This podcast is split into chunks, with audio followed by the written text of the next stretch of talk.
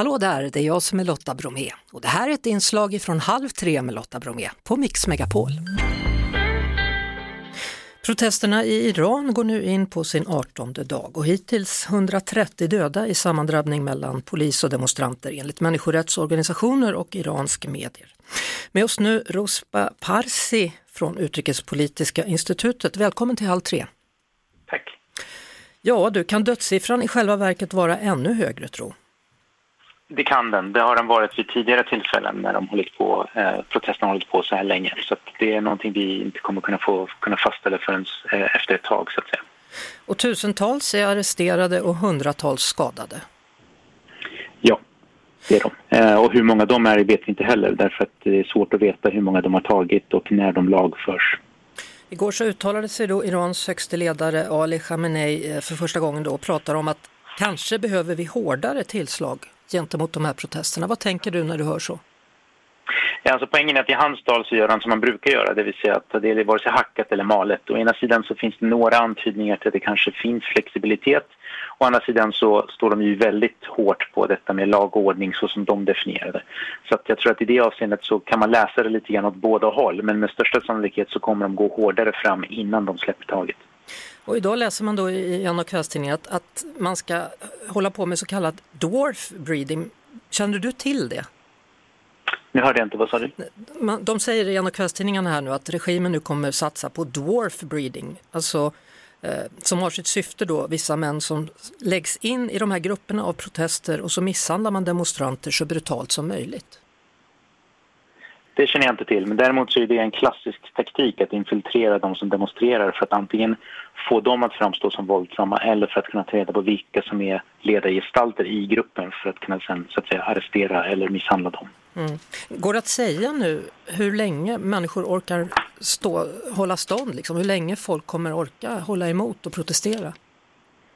Nej, eftersom det här är vad vi skulle kunna kalla för organiska och spontana protester och det är då delvis därför att det är väldigt svårt att organisera någonting. De personer som gör det skulle bli arresterade rätt snabbt. Så innebär det också att styrkan är att det är oförutsägbart men nackdelen är då också att det är omöjligt att veta hur många som kommer orka, hur många som ser vad som händer och vill delta och framförallt i vilken mån folk ser något hopp i att fortsätta protestera. Mm. Igår så uttalade sig Khamenei också om det här då och sa att det här är infiltration från västvärlden och USA. Det är de som i själva verket ligger bakom de här protesterna. Ja, det är en klassisk också, vad ska jag kalla det för en auktoritär reaktion att alltid skylla allting på någon utomstående. Det innebär ju såklart inte att det inte finns utomstående makter som gärna ser att det uppstår så mycket kaos och missnöje som möjligt i Islamiska republiken. Men, men liksom 97 procent av allting som händer i Iran har att göra med hur den iranska staten beter sig, inte hur någon utifrån beter sig. Mm. Eh, lite skillnad den här gången då kanske mot tidigare protester. Det är fler kvinnor och det är väldigt många yngre människor som är ute och protesterar. Ja, alltså de unga och kvinnorna har alltid varit två av de viktigaste grupperingarna som eh, framförallt de som vill se en liberalisering har kunnat mobilisera.